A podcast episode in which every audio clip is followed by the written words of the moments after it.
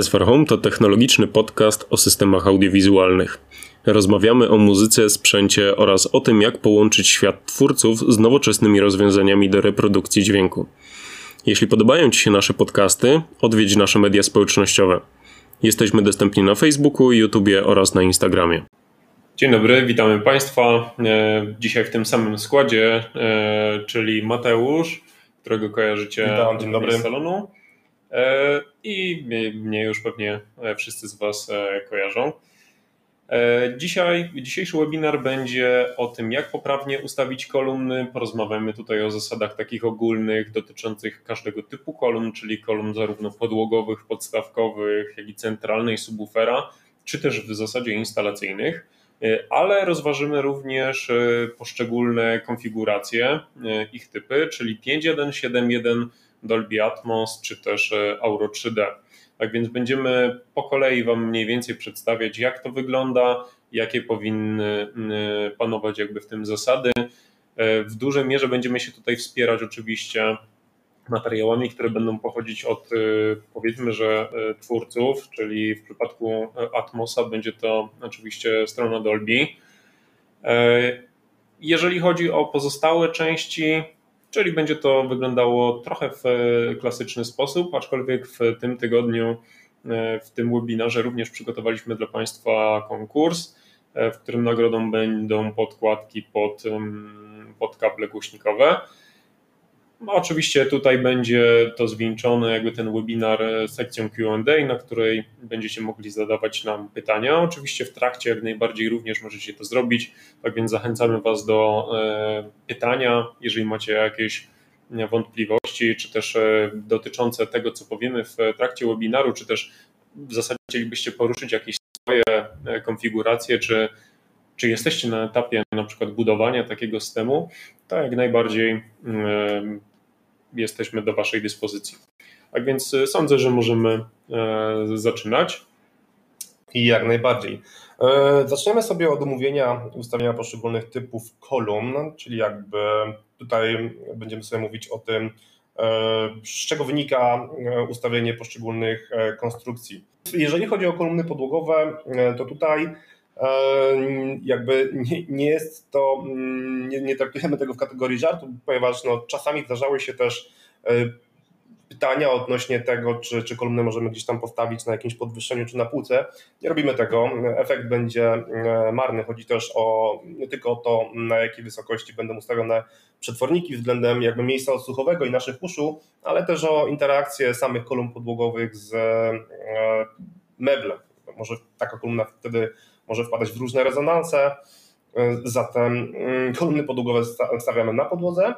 Nie bez znaczenia będzie też to, e, czy kolumna będzie postawiona na kolcach, czy, czy też nie.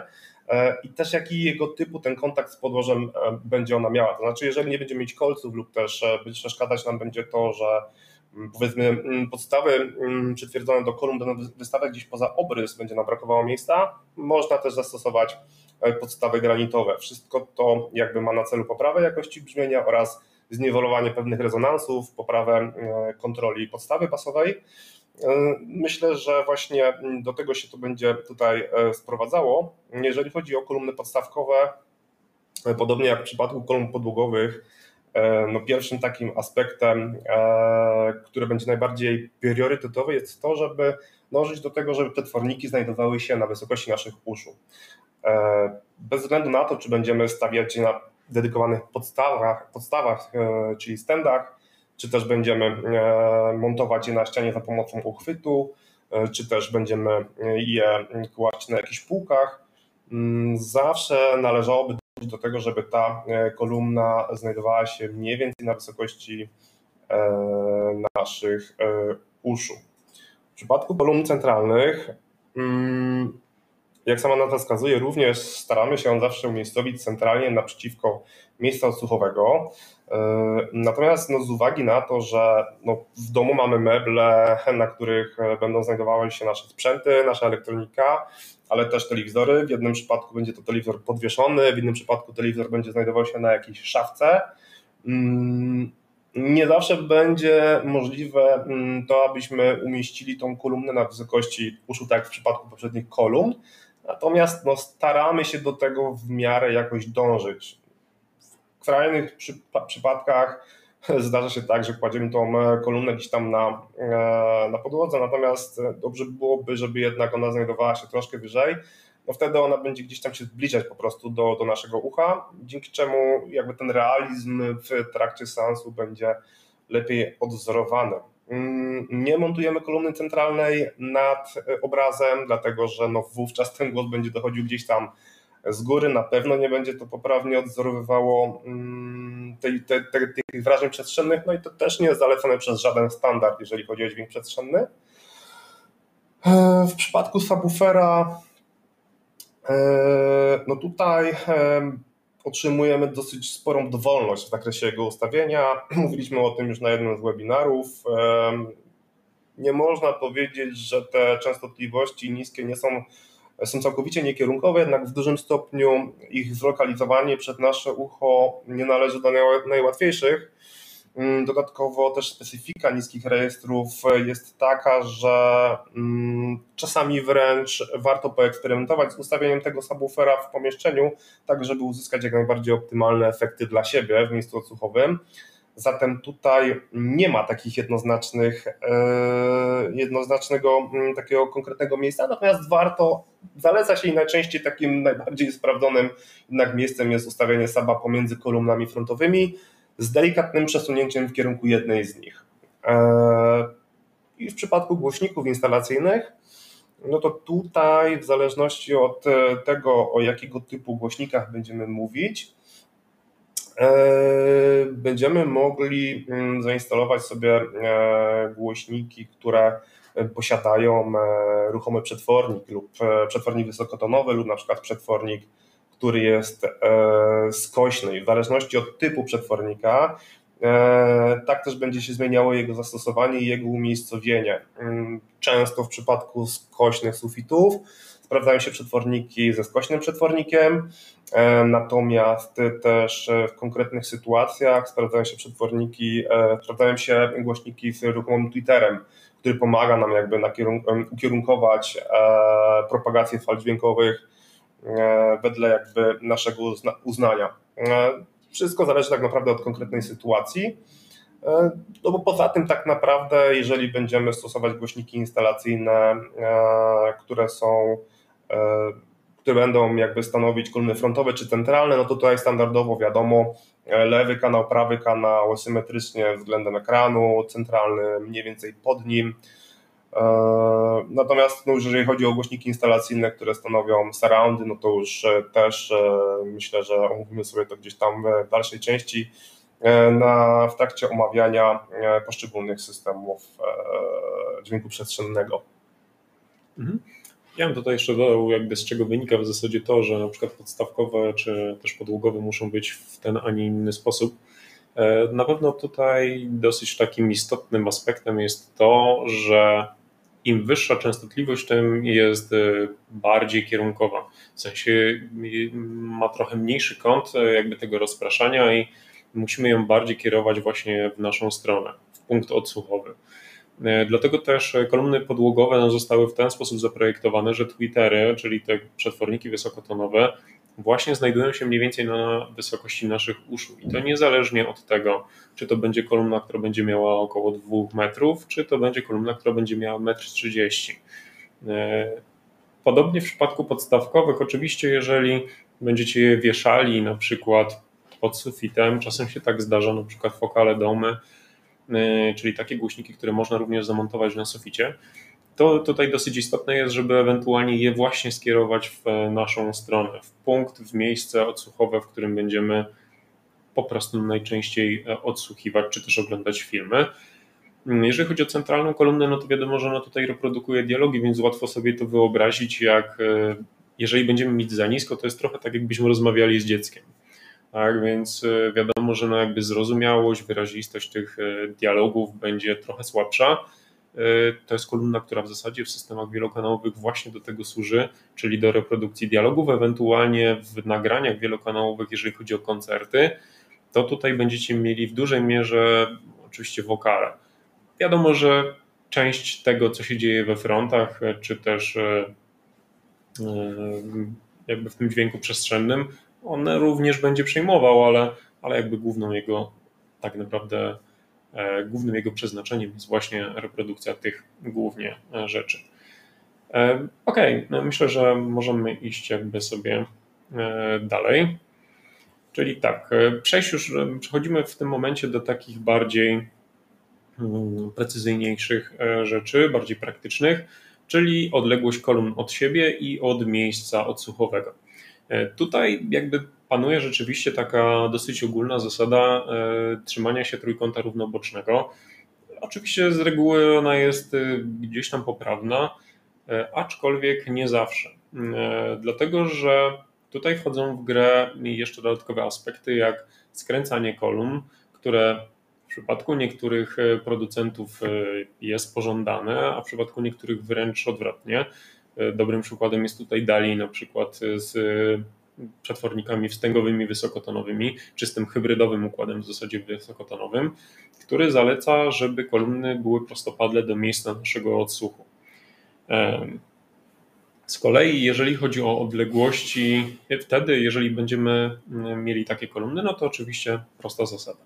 Jeżeli będziemy mieli kolumny, które będą miały być skręcane w stronę słuchacza, no to tutaj wtedy Również może być kilka przypadków, które możemy rozpatrzyć, czyli e, miejsce przecięcia się osi głośników przed nami, przed sweet spotem tak zwanym, w dokładnie e, sweet spocie, czyli my jako słuchacze tworzymy jeden z wierzchołków trójkąta razem z kolumnami, albo też za nami. Tutaj oczywiście tak naprawdę trzeba to po prostu przetestować. Nie ma innego złotego takiego zalecenia, które by pozwalało na to, mm, żeby powiedzieć Wam, trzeba zrobić tak albo tak.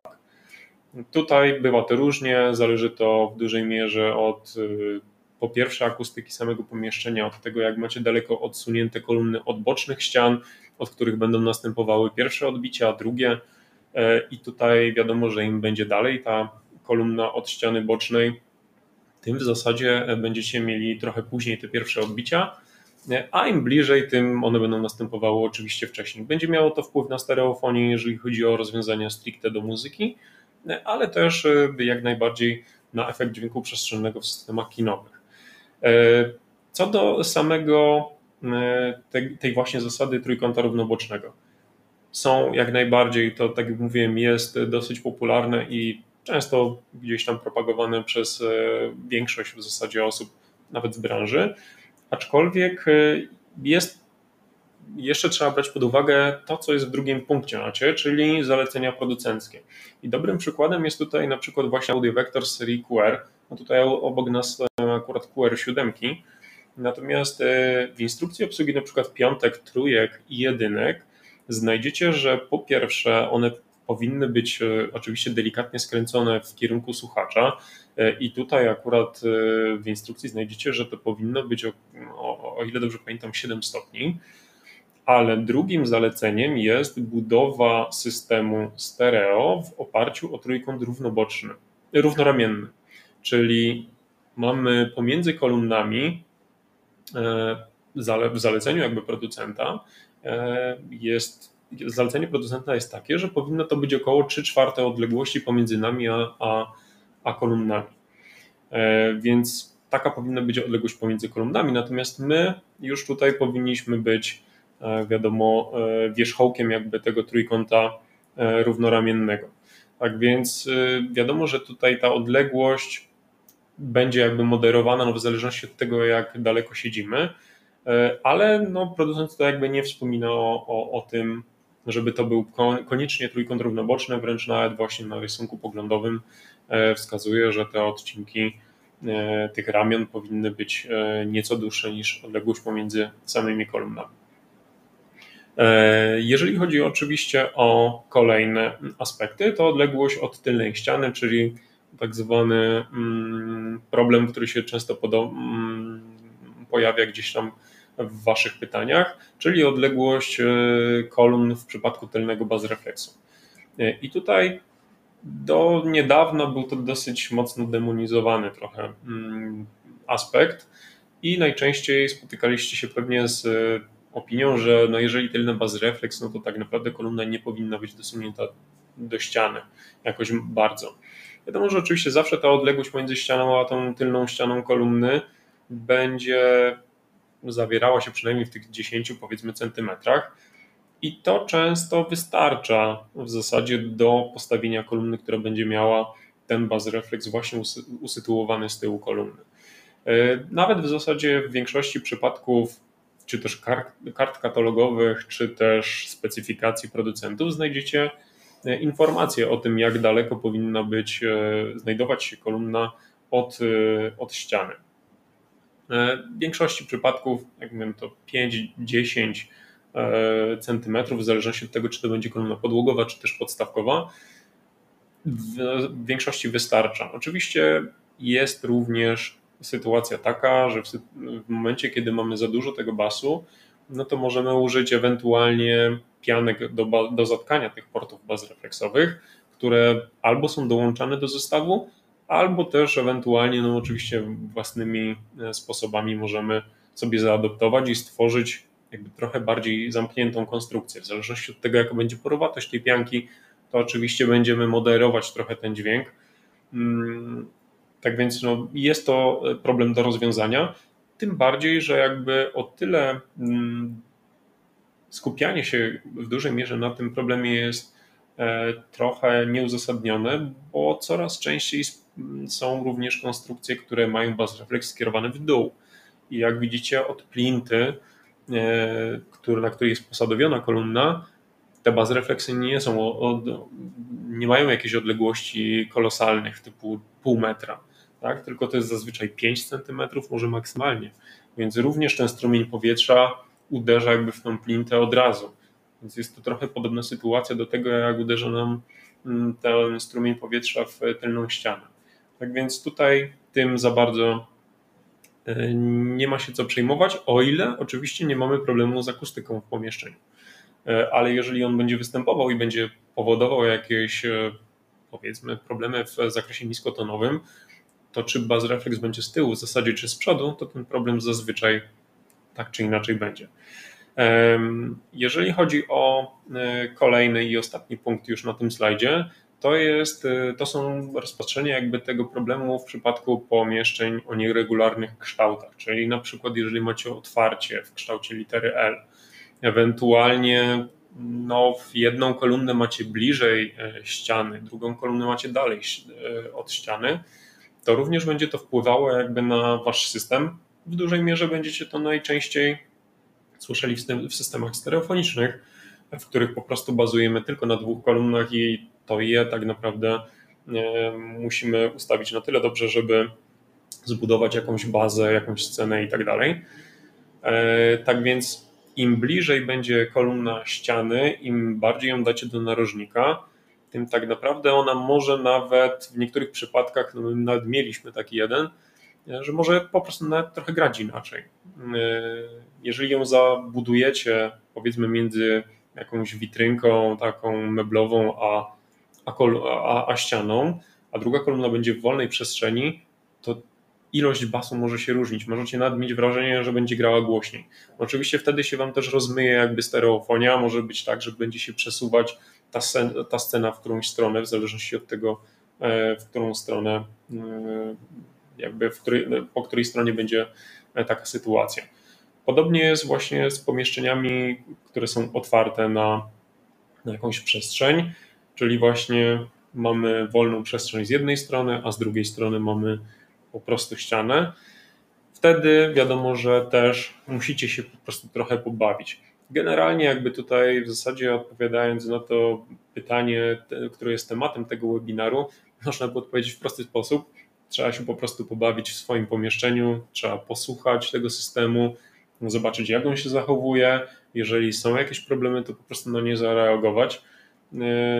Jeżeli oczywiście macie jakiś pomysł e, swój własny, albo ewentualnie wyczytacie, no to po prostu trzeba to spróbować, jak to będzie wyglądało u Was, czy to będzie remedium na Wasz problem a jeżeli nie, to oczywiście zawsze możecie do nas zadzwonić, no to staramy się zawsze jakoś poradzić. Nie wiem, czy tutaj chciałbyś coś jeszcze dodać, czy.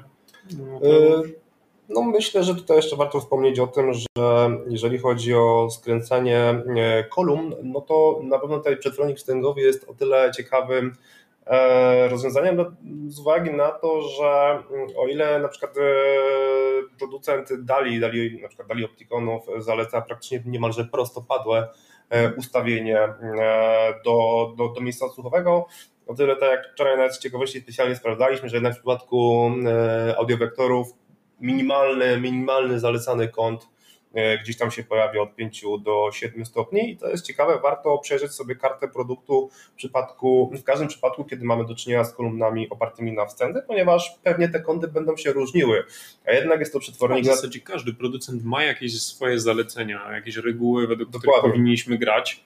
To są oczywiście wytyczne takie, powiedzmy taki core, od którego powinniśmy zacząć, ale musimy pamiętać, że każde pomieszczenie jest inne, każda sytuacja jest inna, więc musimy Dokładnie. to rozpatrzyć indywidualnie. Dokładnie, dokładnie tak. Właśnie do tego zmierzałem, że jednak tutaj można e, przyjąć pewne schematy, że e, z reguły e, zakładam, że jednak w przypadku kopułki gdzieś tam będziemy próbowali to skręcić. Niemniej może się okazać, że właśnie w przypadku modelu, który kupimy, będzie paradoksalnie inaczej. Dlatego warto zaglądać w te dane, w te informacje, które dostarcza nam producent, bo stamtąd się możemy czasami dowiedzieć naprawdę ciekawych rzeczy. Niemniej traktować to jako punkt wyjścia, a nie jakby Mm, taką mm, prawdę ostateczną. Dokładnie. Mm, w następnych slajdach opowiemy sobie o tym, e, jakiego typu mamy konfigurację w systemach dźwięku e, przestrzennego. Przejdziemy sobie kolejno od 5.1 przez 7.1 Atmos oraz Auro 3D więc myślę, że możemy przejść do kolejnego slajdu. Jeżeli chodzi o konfigurację 5.1, to jest to taka podstawowa konfiguracja mm, kolumn, która zapewni nam efekt e, dźwięku 3D, dźwięku przestrzennego. E, w przypadku tej konfiguracji, no na pewno takim podstawowym pytaniem, które, które sobie e, można zadać, to czy warto. No w przypadku kina domowego, jeżeli zależy nam na uzyskaniu tej imersji, e, tego wrażenia e, zagnieździenia się jakby w sercu akcji, no to bez wątpienia warto. Same kolumny stereo, czy nawet e, czasami spotykany zestaw 3.1 oparty na dwóch kolumnach frontowych i, i kolumnie centralnej nie są w stanie zapewnić nam tego, co zapewnią nam dodatkowe kolumny surround. I jak widzicie na planszy, tutaj się opieramy na planszy dostarczonej przez firmę e, Dolby. E, co do takiego układu są pewne zalecenia. Zalecenia dotyczą nie tylko samego ustawienia kolumn jakby względem siebie, mm, ale i kątów względem miejsca odsłuchowego. Zatem no, ewidentnie mm, pokazane jest, że jednak kolumny frontowe należy delikatnie skręcić, kąt macie dokładnie podany, na planszy. Natomiast jeżeli chodzi o kolumny surround, y, to tutaj w tej konfiguracji zaleca się, żeby one były z boku, aczkolwiek lekko z tyłu. E, dlatego, że no tutaj nie będziemy się opierać na żadnych innych kolumnach e, efektowych, więc e, te kolumny mają za zadanie troszkę nas tym dźwiękiem jakby otulić. Gdyby były tylko prostopadle z boku, jak to będzie w systemie 7.1, Mm, brakowałoby nam tych e, efektów, e, które by dobiegały do nas z tyłu. E, no też tutaj akurat nie ma nic, żadnej informacji na temat wysokości, natomiast no, tak jak wcześniej wspominaliśmy, zawsze będziemy się kierować tym, żeby przetworniki były mniej więcej na wysokości naszych uszu. Mhm. Kolejnym systemem będzie system 7.1, czyli jakby rozwinięcie tego, co mieliśmy na poprzednim slajdzie. Ten system bardzo fajnie się sprawdza, jeżeli chcemy uzyskać rzeczywiście taką pełniejszy obraz tego dźwięku właśnie przestrzennego i stworzyć e, lepsze efekty dźwięku dookulnego. E, tutaj podobnie jak w przypadku systemu 5.1 fronty będą ten kąt pomiędzy mm, frontami a, a, a, a kolumną centralną powinien być około tych 22 do 30 stopni. I tutaj się niewiele zmienia. Jeżeli chodzi o zmianę, która następuje, to na pewno kolumny, które będą właśnie rozszerzały nam ten dźwięk i tworzyły ten efekt surround. Jeżeli chodzi o boczne głośniki, to efekt, teraz głośnikami surroundowymi będziemy nazywali tak naprawdę te głośniki boczne, czyli głośniki, które powinny być mniej więcej na wysokości naszego miejsca odsłuchowego, czyli najczęściej jakiejś sofy, fotela, e, tworząc jakby kąt 90 stopni. E, ewentualnie jest tutaj pewien zakres, jakby, którym możemy sobie manewrować, czyli do tych 110 e, stopni. Oczywiście ma to przełożenie, znaczy w ogóle kiedy mo, może tak, może kiedy w ogóle ma sens robienie 7.1. Na pewno w sytuacjach, w których mamy odsunięte jednak sofę, odsuniętą sofę od tylnej ściany. Dlatego, że te kolumny, ostatnia para kolumn, która występuje w przypadku tego rozwiązania, to są tak zwane backsurroundy, czyli kolumny, które znajdują się dosłownie za nami, które właśnie dopinają jakby ten efekt dźwięku przestrzennego od, od y, tyłu. I tutaj wtedy możecie e, stosować zarówno kolumny bipolarne, dipole, jak i klasyczne e, takie rozwiązania jak kolumny podstawkowe. E, jeżeli chodzi o bipole i dipole, na pewno tutaj w tym wypadku zajmą one Wam mniej miejsca. Jeżeli to odsunięcie od tylnej ściany nie jest zbyt duże, no to można się zastanowić, czy nie będzie to dawało trochę lepszego efektu, z racji tego, że one też promieniują jakby trochę w, e, szerzej, to wtedy jakby stworzą trochę właśnie jeszcze dodatkowy efekt tego dźwięku dookólnego. Idąc dalej, bo sądzę, że tutaj chyba już wszystko. Mhm. Tutaj chciałem dodać jeszcze ciekawostkę na temat standardu THX, który zaleca E, jako kolumny mm, tylne lub też surroundy w przypadku e, konfiguracji 5.1 e, kolumny właśnie dipolowe, o których wspomniałeś. Co paradoksalnie w przypadku Dolby Atmos będzie rozwiązaniem, które będzie niezalecane, ale o tym sobie powiem za chwilę. Dokładnie. Jeżeli chodzi o konfigurację i technologię Atmos, jest to rozwiązanie o tyle przełomowe, że, że z dwóch powodów. Pierwszy aspekt to to, że z założenia ta technologia ma za zadanie mm, dostarczyć nam dodatkowy jakby wymiar w przestrzeni. To znaczy w, tym, w tej konfiguracji za pomocą tej technologii e, ten dźwięk przestrzenny będziemy odbierać nie tylko na tym poziomie horyzontalnym, czyli na tym poziomie, do, na którym do tej pory mieliśmy e, kolumny w systemie 5.1 lub 7.1, ale też e, góra-dół, czyli w płaszczyźnie wertykalnej. Jeżeli chodzi o tą technologię, no to w tym przypadku jakby wprowadza się ona do e, zastosowania głośników tak naprawdę mm, sufitowych, aczkolwiek e, są też stosowane mm, tak zwane takie nakładki na, na mm, kolumny, które mamy z przodu na frontach. refleksyjne. Które działają na zasadzie odbicia. E, co do, co do samego usytuowania głośników atmosowych, to tutaj są też określone kryteria. E, jak widzicie na obrazku, e, tutaj na planszy, która się wyświetla na slajdzie, e, w przypadku dwóch par głośników atmosowych, mm, jedna ląduje na, jakby przed miejscem odsłuchowym, druga znajduje się za nami. Natomiast aby określić dokładną ich pozycję, Atmos dostarcza instrukcję w której określa konkretne kąty. Akurat w przypadku tych plansz one się tutaj nie wyświetlają, e, natomiast aby jakby każdorazowa, e, każdorazowe ustalenie miejsca głośników atmosowych należy obliczyć z uwzględnieniem między innymi tego, no, jaka jest wysokość naszego sufitu. Natomiast no tutaj jakby plansza pokazuje przybliżone ustawienie atmosów.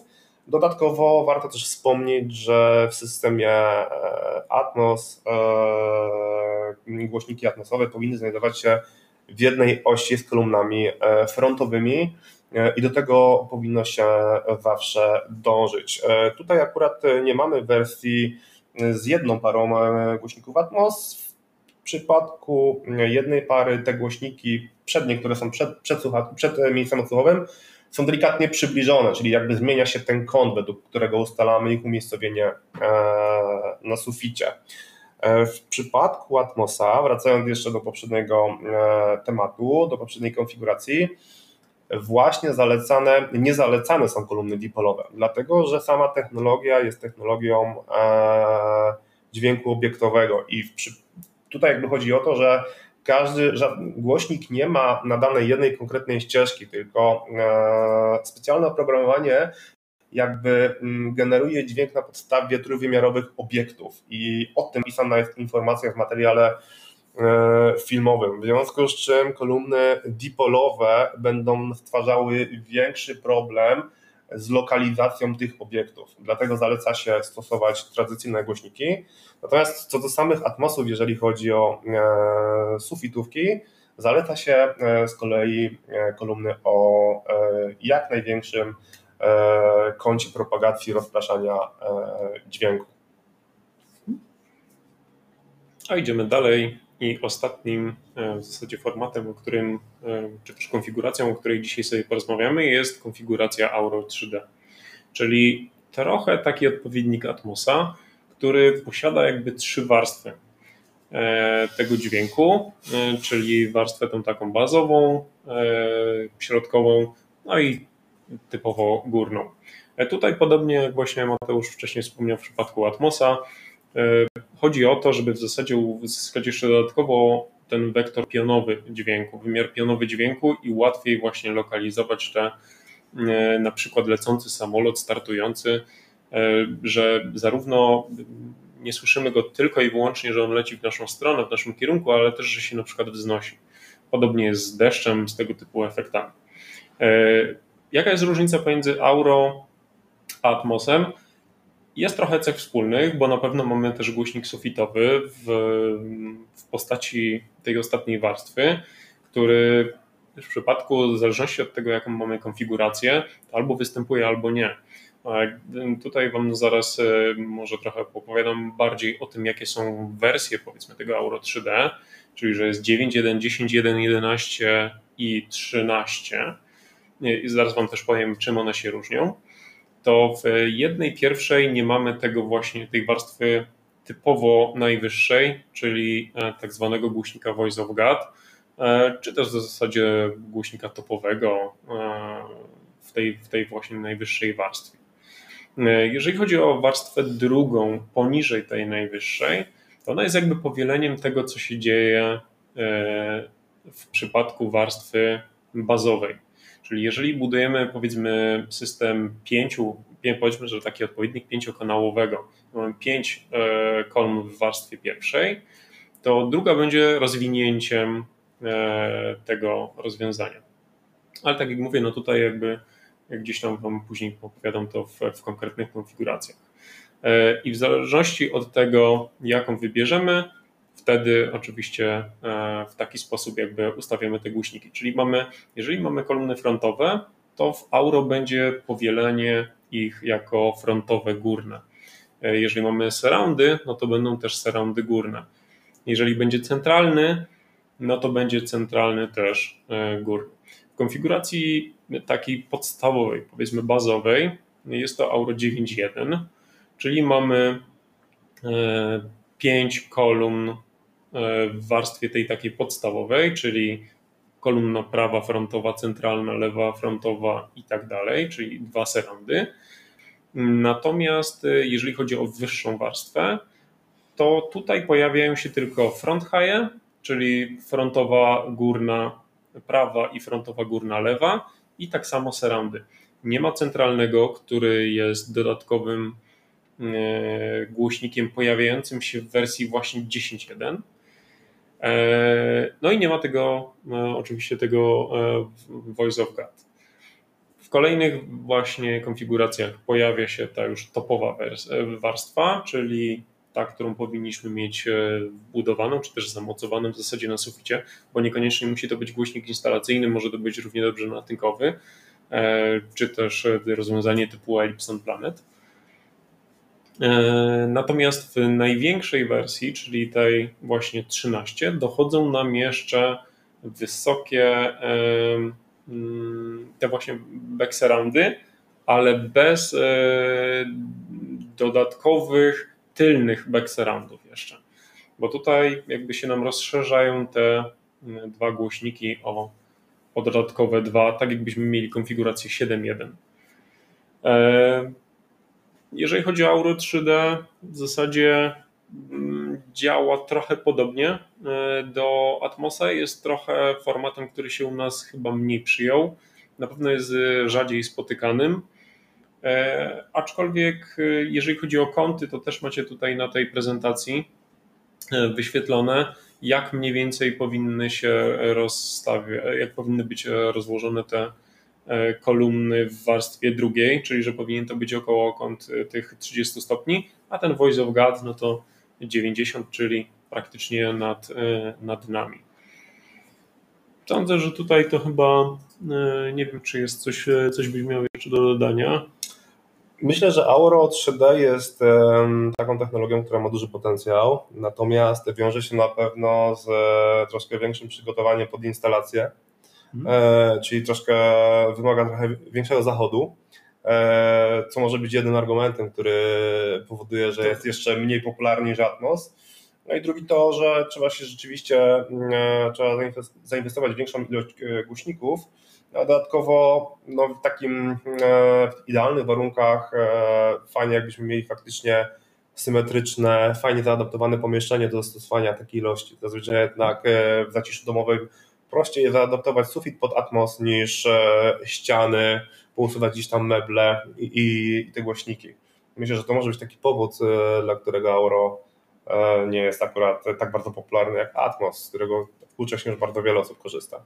To prawda. Okej, okay. w tym momencie tak naprawdę zaprosimy Was na krótką przerwę, po której jako pierwszy będzie konkurs, pojawi się pytanie konkursowe, na które w momencie, kiedy odpowiecie, no to tylko tutaj jeszcze musiałbym zaznaczyć jedną rzecz, że pierwsza odpowiedź, która się pojawi na naszym czacie, który będzie się wyświetlał z tego co pamiętam e, z boku, po, po, po, przynajmniej u mnie na tablecie po prawej stronie, u Was pewnie też, e, to pierwsza odpowiedź, która się pojawi na tym czacie, będzie brana jakby pod uwagę, bo tutaj e, moment odpowiedzi serwera i dojście tej waszej jakby odpowiedzi do serwera kontra to, co wy widzicie, może się różnić. Dlatego też jakby, żeby tutaj to zunifikować i mieć jakby jasność, no to, no to tak to będzie wyglądało. Mm, pytanie, tak jak mówiłem, pojawi się zaraz po krótkiej przerwie reklamowej, a po niej oczywiście będzie sesja QA. Jeżeli macie jakieś pytania, widzę, że tutaj e, już jakieś się pojawiły, e, to oczywiście na nie odpowiemy. E, a jeżeli byście oczywiście mieli jakieś jeszcze dodatkowe, to jak najbardziej zapraszamy Was, zachęcamy do zadawania tych pytań. O, jesteśmy tutaj tak naprawdę po to, żeby e, Wam pomóc e, przegadać jakieś konfiguracje. Jeżeli oczywiście macie jakieś super skomplikowaną, no to możecie też do nas napisać, jeżeli to jest na tyle trudne by było wytłumaczenie tego w tym webinarze przez Was, czy, czy, czy napisanie w zasadzie wymagałoby to napisania jakiegoś elaboratu, no to jak najbardziej zapraszam Was również do kontaktu E, poza webinarem. Na pewno w linku, w opisie tego filmu, z tego co pamiętam, chyba jakieś nasze będą e, kontakt do nas, więc zapraszam. Zapraszamy na przerwę.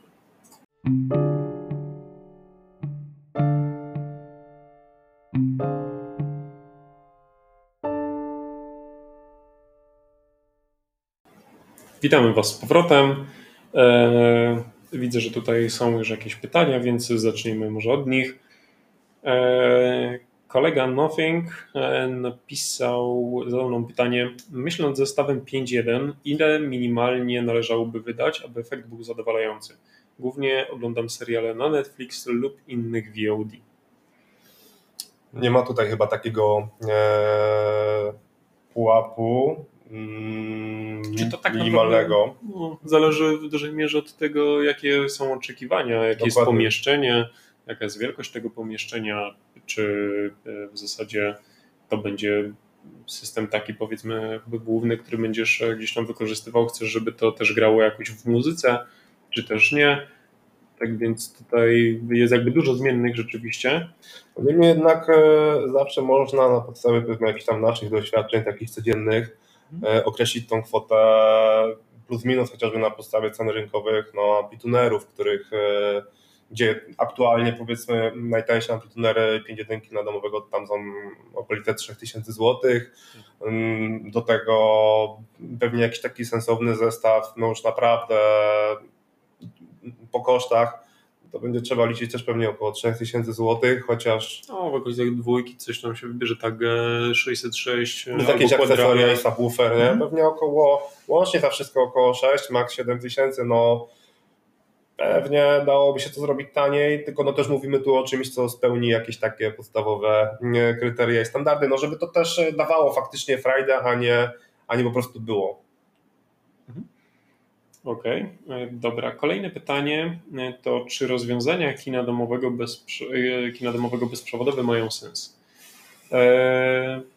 Jeżeli oczywiście wiadomo, że tutaj mm, nie mamy już możliwości przeprowadzenia tych kabli, jesteśmy na etapie mm, tak naprawdę zakończonego remontu, czy też już domu, który już istnieje i mm, mamy, nie wiem, położone spieki kwarcowe, i, i, i ściany, które są wysadzane e, diamentami, to, to wiadomo, że no nie będziemy już sobie demolować całego mieszkania czy też domu. E, I wtedy takie rozwiązania właśnie przychodzą nam z pomocą. Tak więc jak najbardziej jest to rozwiązanie, które jest dla ludzi, jest rozwiązaniem, które też powoduje, że możemy korzystać z tego efektu nawet dźwięku przestrzennego. Jednym z takich systemów na pewno jest Dali EQI, mhm. które też mieliśmy okazję gdzieś tam testować. Y, I mówiąc szczerze, bardzo fajnie się to w zasadzie sprawdza, jeżeli tak. chodzi o oczywiście rozwiązania takie stricte bezprzewodowe. Tak więc tutaj, mm, czy mają sens?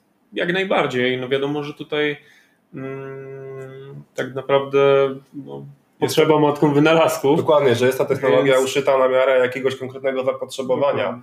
Więc e, trudno, żebyśmy rzeczywiście już totalnie wyremontowane mieszkanie czy dom adaptowali od początku i narażali się na jakieś niepotrzebne koszty, skoro już aktualnie są takie rozwiązania i one naprawdę trzymają jakość, więc są, są warte rozpatrzenia jak najbardziej. Mhm. Jeżeli, tak mówimy, jeżeli nie ma po prostu już innej możliwości, nie mamy powiedzmy na przykład list przypodłogowych, w których możemy ukryć jeszcze te kable, które y, często dają taką możliwość, ewentualnie można wyfrezować gdzieś tam w tym.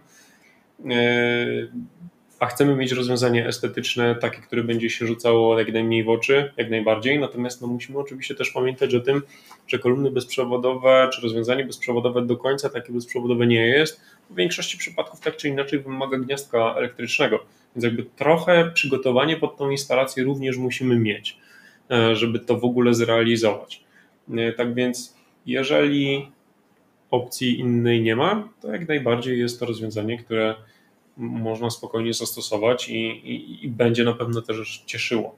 E, pomijając już e, fakt, że e, gdybyśmy mieli inny złożony zestaw, powiedzmy tylko z kolumn frontowych i chcielibyśmy rozbudować go o kolumny surround, ale w przypadku kolumn frontowych przewody nam nie przeszkadzają, bo, bo przemyśleliśmy to wcześniej, ale, ale nie przemyśleliśmy tego, e, że, że chcielibyśmy rozbudować system Okino, e, no to na przykład takie głośniki jak Yamaha Music Cast są fajnymi opcjami dla osób, które e, chcą wykorzystać gdzie też stwarzając tak zwany system multiroom.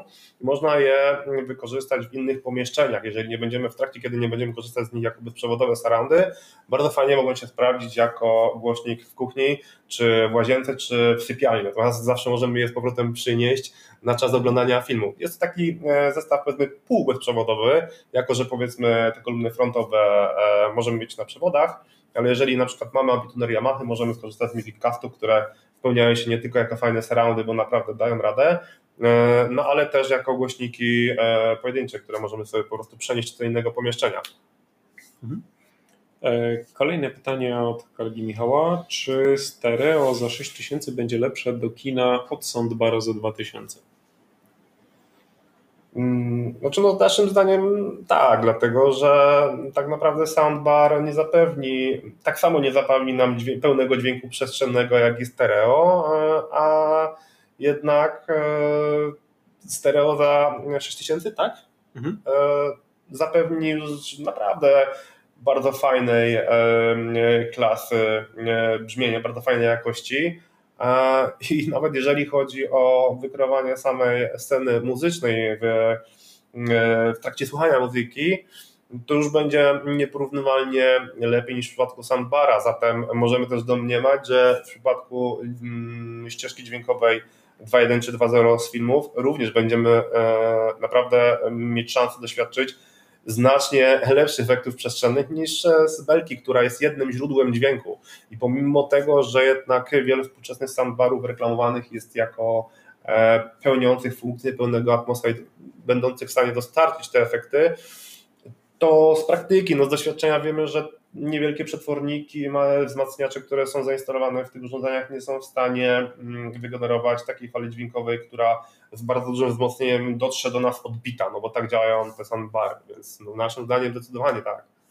Znaczy tutaj w zasadzie można by to rozpatrywać na dwa sposoby, nie? bo mm, po pierwsze jakby w soundbar na pewno za dwójkę no, będzie miał jakiś subwoofer, więc powiedzmy, że hałasu takiego basowego może czasem zrobić więcej, chociaż e, tak naprawdę soundbar ma jedno ograniczenie w zasadzie, które jest trochę takim zarzutem często, który, e, który, z którym się spotykamy, że no jest po prostu bardzo wąską, jednak jedno takim elementowym źródłem dźwięku. Oczywiście wiadomo, że tak jak w przypadku na przykład Yamaha, on ma więcej przetworników, które są skierowane w różnych kierunkach i tak dalej, ma na zasadzie odbijania dźwięku symulować nam ten efekt dźwięku przestrzennego. Ok, jak najbardziej. E, są jeszcze takie rozwiązania jak JBL Bar, które mają odpinane te tyły i możemy sobie je postawić po prostu za nami i one działają na zasadzie baterii, a jeżeli kończymy jakby powiedzmy seans, no to, to po prostu je wpinamy do tej belki. E, i takie rozwiązanie, no jakąś tam namiastką kina może być, natomiast czy będzie lepsze, też bym się tutaj skłaniał ku opinii tak, tej samej, co Mateusz tutaj jakby wyraził, że jednak e, kolumny stereo, czy w zasadzie system stereo, e, zazwyczaj da nam po prostu lepszej jakości te efekty.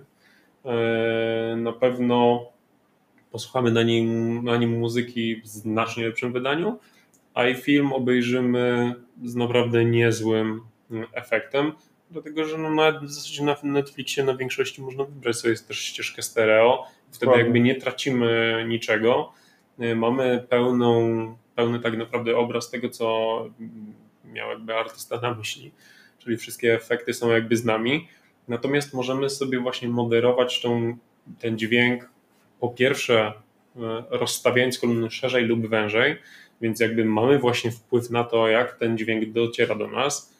Możemy sobie przestawić bliżej dalej. No soundbar jednak nas trochę ogranicza pod tym kątem, że albo musimy go podwiesić po prostu pod telewizor, albo zazwyczaj on jest po prostu leży na jakiejś półce. W przypadku podstawkowców, jeżeli mamy miejsce na to, no to i możemy sobie jakby wędrować trochę z tymi podstawkami, no to jesteśmy w stanie sobie pozwolić na zdecydowanie więcej. Poza tym jakby tutaj różnica w samej kwocie powoduje, że będziemy mieli szansę na obcowanie z zupełnie z czymś innym. E, a jak weźmiemy kolumny podłogowe, to i mogą dorównać subwoofer, e, soundbarowi razem z subwooferem w zasadzie. Dokładnie. I na pewno z lepszej jakości basem. No, może się okazać, że akurat w naszym pomieszczeniu e, określona kolumna, która oparta jest na fajnej podstawie basowej w zupełności wystarczy i nie będziemy nawet rozpatrywać zakupu subwoofera, przynajmniej w najbliższym czasie. Okej. Okay. E, kolejne pytanie e, od Sławomira. Bardzo popularne były Hack Auro 700. E, co w tej lub trochę wyższej cenie jest lepsze? Mam tu na myśli zwłaszcza kontrolę basu i wysokie tony. Jeżeli chodzi o mm, zakres cenowy oscylujący wokół ceny Aurora 700, czyli to jest też teraz okolice 3000, mm, to bardzo fajną alternatywą jest JBL e, Stage e, A180. E, jest to kolumna, która cechuje się zbliżoną charakterystyką, też oparta na mocnym dole, lekko wycofaną średnicą i znowu lekko przesuniętą do przodu tą górą, jeżeli chodzi o częstotliwość. Natomiast mamy wrażenie, że kolumny są troszkę mm, łatwiejsze do napędzenia mm, i tego dołu oferują więcej, więc to jest idealna propozycja dla kogoś, kto e, szuka zestawu do kina. To jest trochę taka kolumna, która bardzo mocno nawiązuje do Klipsza. Jeżeli chodzi o mm, nieco wyższy budżet, no to tutaj tak naprawdę pulę otwierają e, Dalio Baron 7 i monitory Audio Bronze 500. Zazwyczaj są to pierwsze kolumny, które są w stanie konkurować z Aurorami, co świadczy tak naprawdę e, o wysokim stosunku ceny do jakości, jeżeli chodzi o Aurory. No niemniej tak zazwyczaj to wygląda na odsłuchu, że dopiero brązy i oberony będą w stanie e, im dorównać. Porównuję akurat te dwa modele konkretnie z Aurorami z uwagi na zbliżoną charakterystykę i balans tonalny.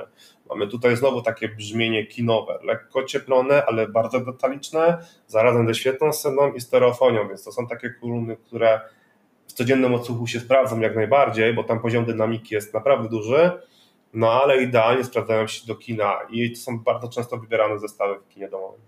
Znaczy, y, ja bym też tutaj odpowiedział trochę w ten trochę pokrętny sposób, pewnie, tak kolega uzna, ale trochę to zależy i to jest zazwyczaj, często my się śmiejemy tutaj z kolegami w salonie, że w zasadzie na każde pytanie można by w ten sposób tak.